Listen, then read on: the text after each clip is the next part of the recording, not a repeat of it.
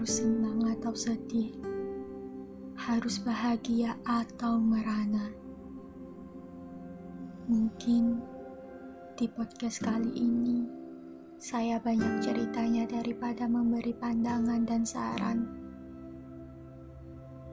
Karena ya, ya, memang seperti ini keadaannya.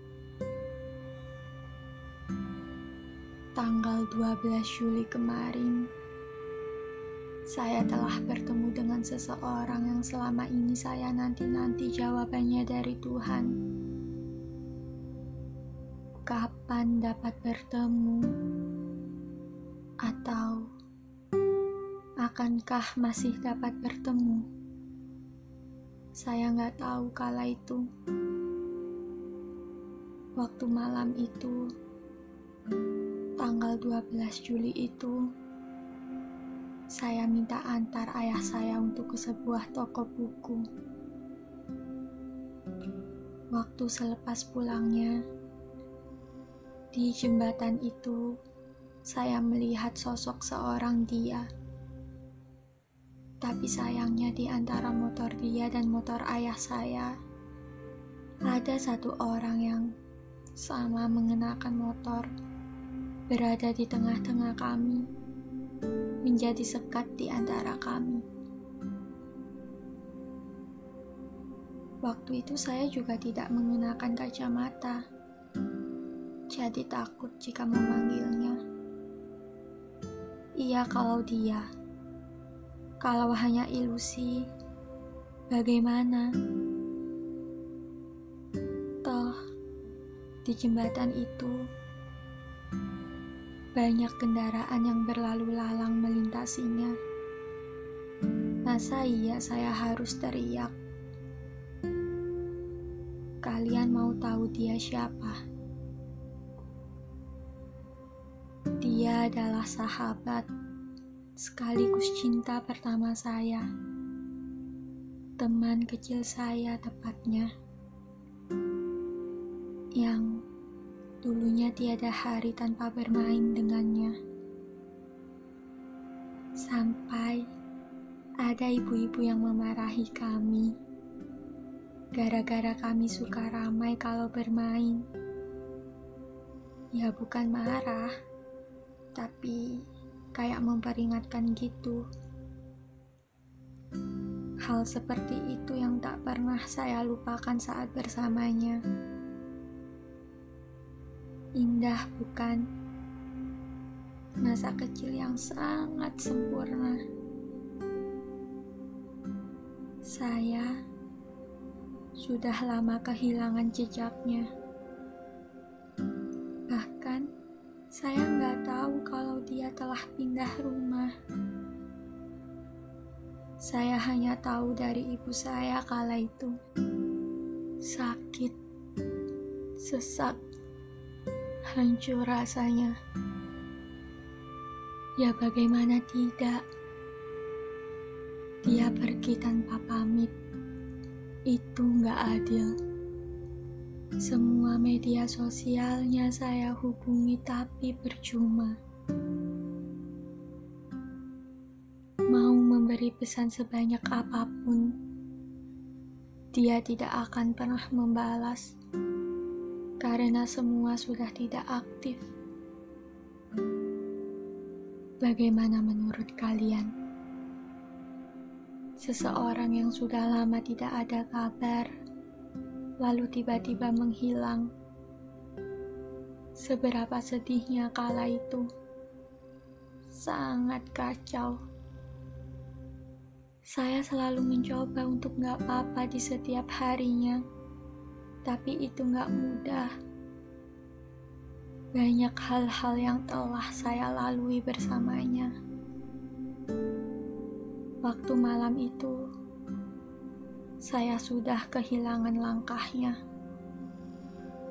Langkahnya yang sudah tak terlihat. Karena waktu itu kita berbeda arah. Saya belok kiri, dia belok kanan. Raganya sudah tak terlihat. Waktu itu saya nggak bisa apa-apa, hanya membisu dengan berpikir, apa iya itu dia? Saya sedikit lega, tetapi lebih banyak khawatir. Lega karena masih dapat berjumpa dengannya, meski jauh dan tak lama, dan khawatir tidak dapat menerima kabar baik lagi untuk berjumpa dengannya. Hari-hari saya cukup berat karena memikirkan mengapa alasannya pergi tanpa memberitahu saya. Apakah saya sudah tak penting dalam hidupnya? Atau memang saya tak pernah penting baginya? Sungguh teramat tragis perasaan saya kala itu. Hati saya seperti terobek-robek, dan pikiran saya terombang-ambing. Entahlah,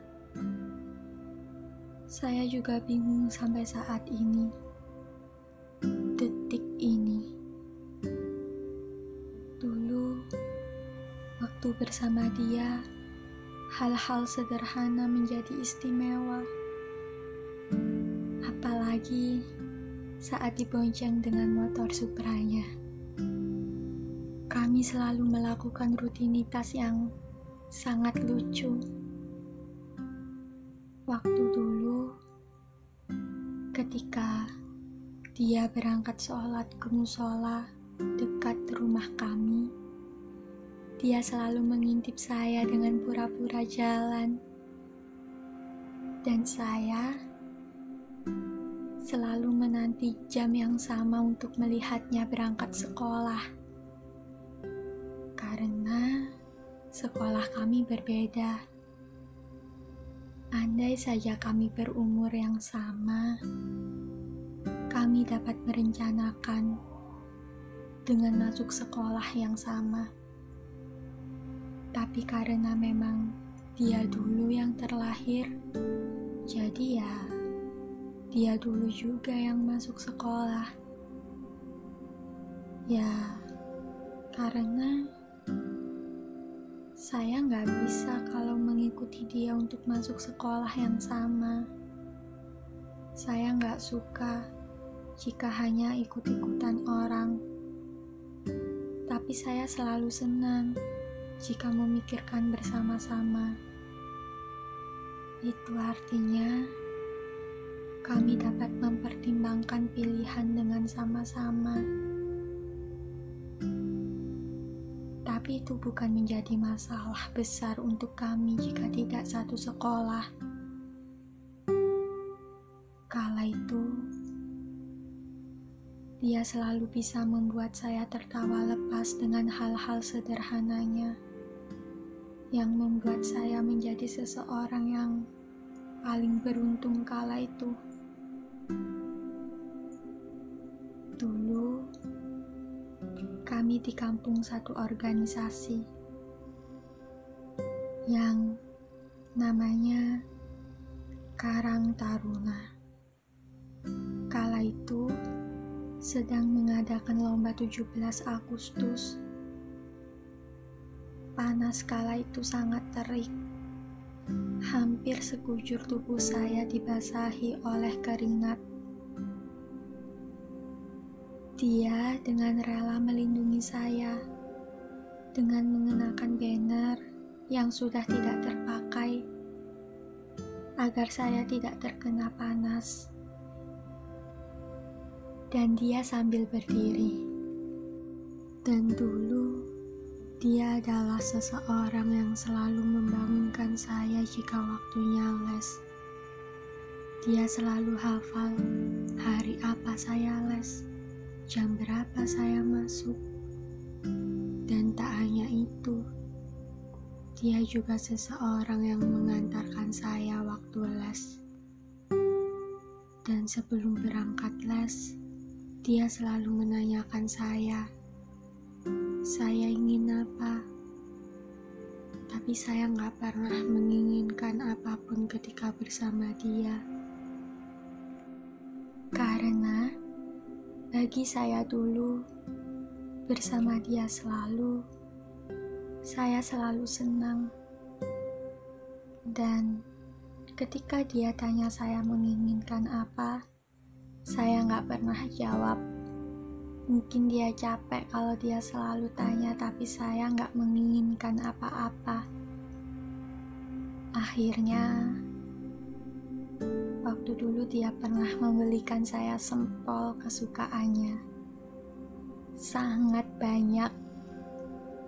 Tapi kala itu, saya nggak mengenal makanannya dan nggak tahu bagaimana rasanya. Jadi saya nggak mau. Manusia yang sangat berbeda dari yang lain. Mereka yang di luaran sana selalu memberi hadiah untuk seseorang, dia beda. Dia selalu memberi kejutan dengan hal-hal konyol yang dia lakukan. Saya nggak tahu sekarang dia sedang apa, sedang di mana, sedang bersama siapa. Saya bingung harus mencari dia ke mana lagi, bagaimana lagi. Saya nggak tahu rumahnya yang baru. Toh, kalau mencari di sekolahnya, dia juga sudah lulus. Jadi percuma. Dulu, waktu kucing saya meninggal, dia ikut membantu ayah saya untuk menguburnya. Dengan rela malam-malam hari, menemani saya pula. Dia seseorang yang tulus, yang baik, yang peduli oleh siapa pun.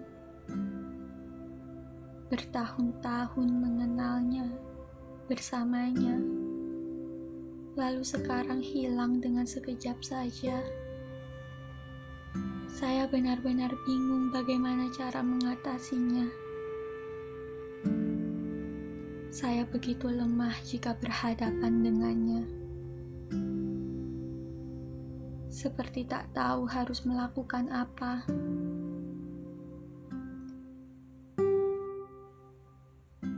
Entahlah, semua gak akan tahu sampai waktunya tiba. Saya sendiri juga tidak pernah mau jika selalu bergantung dengannya, larut memikirkannya. Ketika saya perlahan melupakan, dia hadir, membuat saya teringat kembali. Dan sekarang, saya harus kembali lagi untuk merelakannya, menghapusnya dalam hidup serta hati saya. Tapi saya tetap ingin berharap untuk bertemu dengannya, untuk mempertanyakan hal-hal yang perlu ditanyakan. Setelahnya, saya akan melepasnya dengan segenap jiwa dan raga. Dengan secercah hati dan perasaan saya merelakannya. Mungkin Tuhan memang memberi jalan hidup masing-masing pada kami.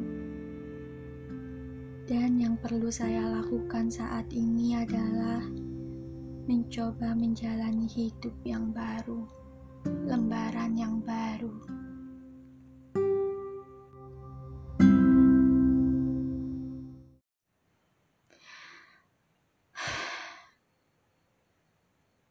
Saya nggak tahu harus senang atau sedih, harus bahagia atau merana. Mungkin di podcast kali ini saya banyak ceritanya daripada memberi pandangan dan saran. Karena ya, ya, memang seperti ini keadaannya. Tanggal 12 Juli kemarin, saya telah bertemu dengan seseorang yang selama ini saya nanti-nanti jawabannya dari Tuhan. Kapan dapat bertemu? Atau akankah masih dapat bertemu? Saya nggak tahu kala itu. Waktu malam itu, tanggal 12 Juli itu, saya minta antar ayah saya untuk ke sebuah toko buku. Waktu selepas pulangnya, di jembatan itu, saya melihat sosok seorang dia. Tapi sayangnya di antara motor dia dan motor ayah saya, ada satu orang yang sama mengenakan motor berada di tengah-tengah kami, menjadi sekat di antara kami. Waktu itu saya juga tidak mengenakan kacamata, jadi takut jika memanggilnya. Iya kalau dia, kalau hanya ilusi, bagaimana? Toh, di jembatan itu banyak kendaraan yang berlalu lalang melintasinya. Masa iya saya harus teriak? Kalian mau tahu dia siapa? Dia adalah sahabat, sekaligus cinta pertama saya. Teman kecil saya tepatnya. Yang Dulunya tiada hari tanpa bermain dengannya. Sampai ada ibu-ibu yang memarahi kami. Gara-gara kami suka ramai kalau bermain. Ya bukan marah, tapi kayak memperingatkan gitu. Hal seperti itu yang tak pernah saya lupakan saat bersamanya. Indah bukan? Masa kecil yang sangat sempurna. Saya sudah lama kehilangan jejaknya. Bahkan saya nggak tahu kalau dia telah pindah rumah. Saya hanya tahu dari ibu saya kala itu. Sakit, sesak, hancur rasanya. Ya bagaimana tidak?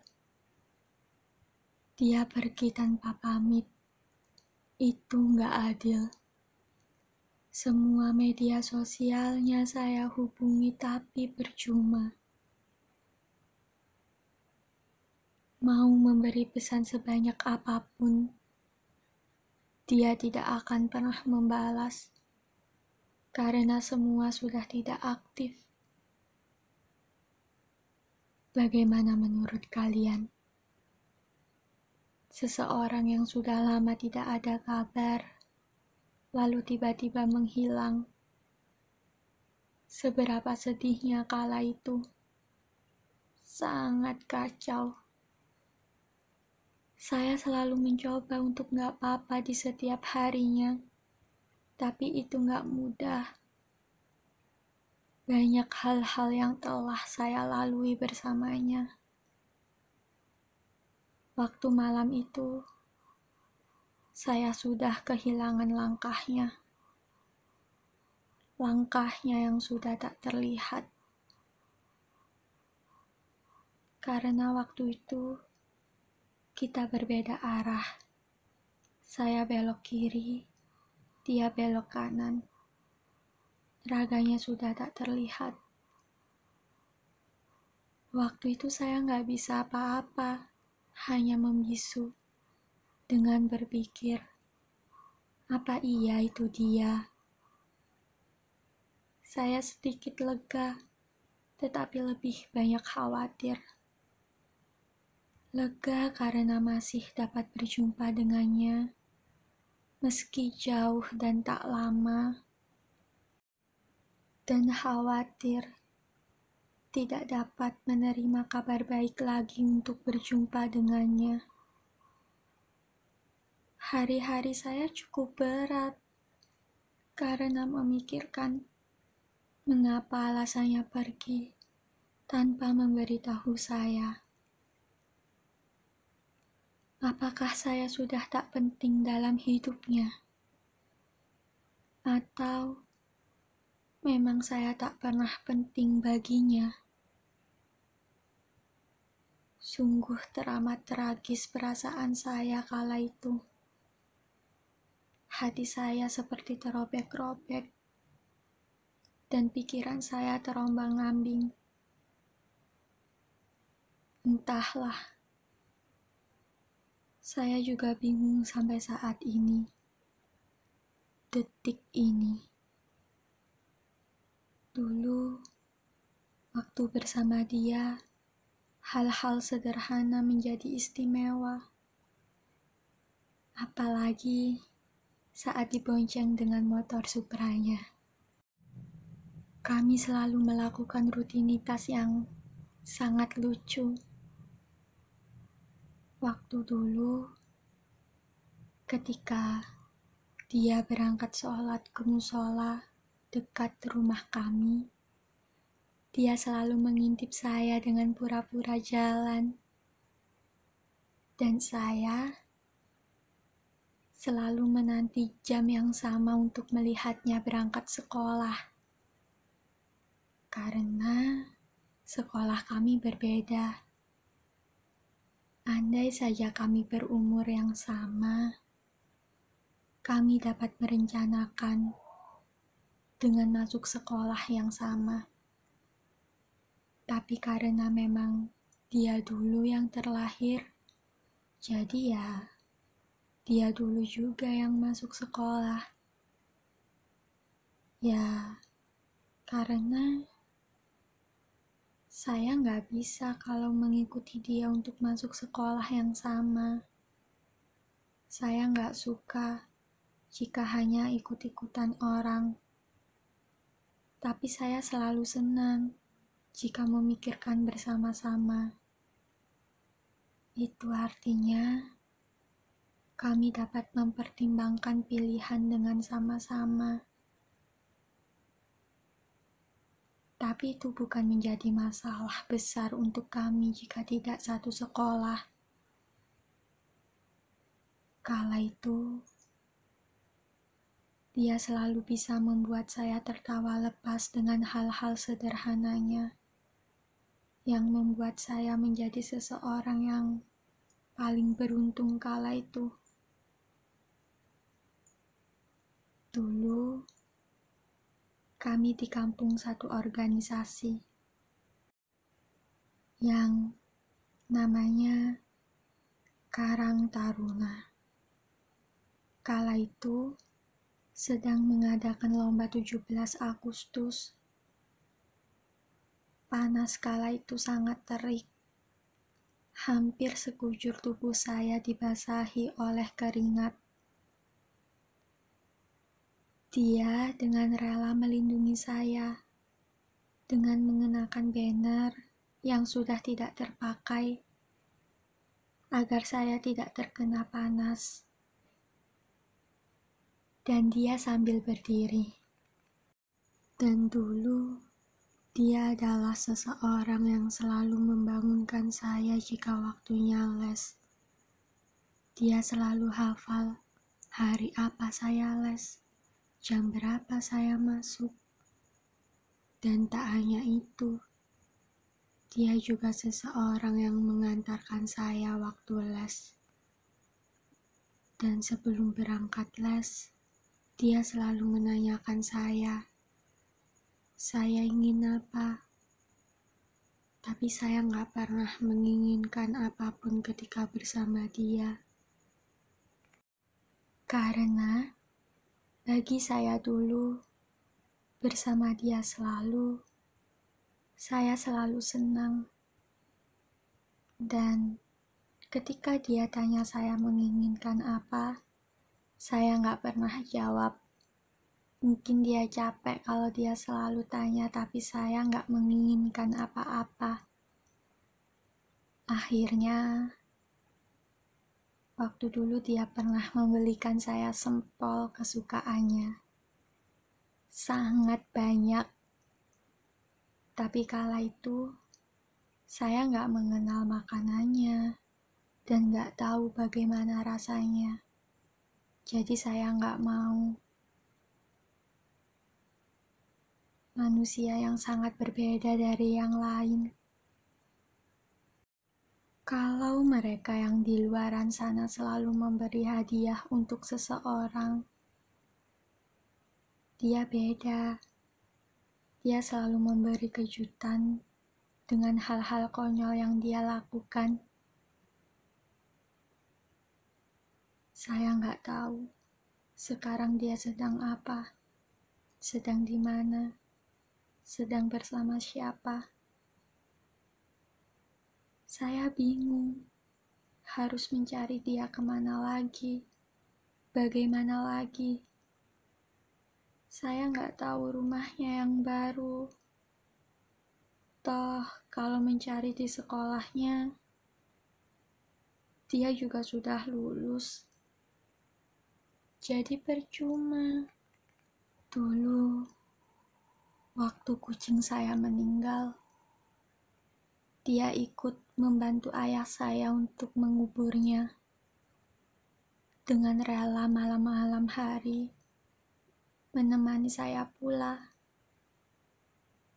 Dia seseorang yang tulus, yang baik, yang peduli oleh siapa pun. Bertahun-tahun mengenalnya, bersamanya lalu sekarang hilang dengan sekejap saja. Saya benar-benar bingung bagaimana cara mengatasinya. Saya begitu lemah jika berhadapan dengannya.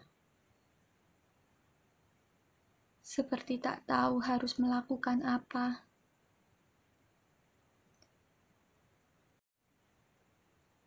Entahlah semua gak akan tahu sampai waktunya tiba.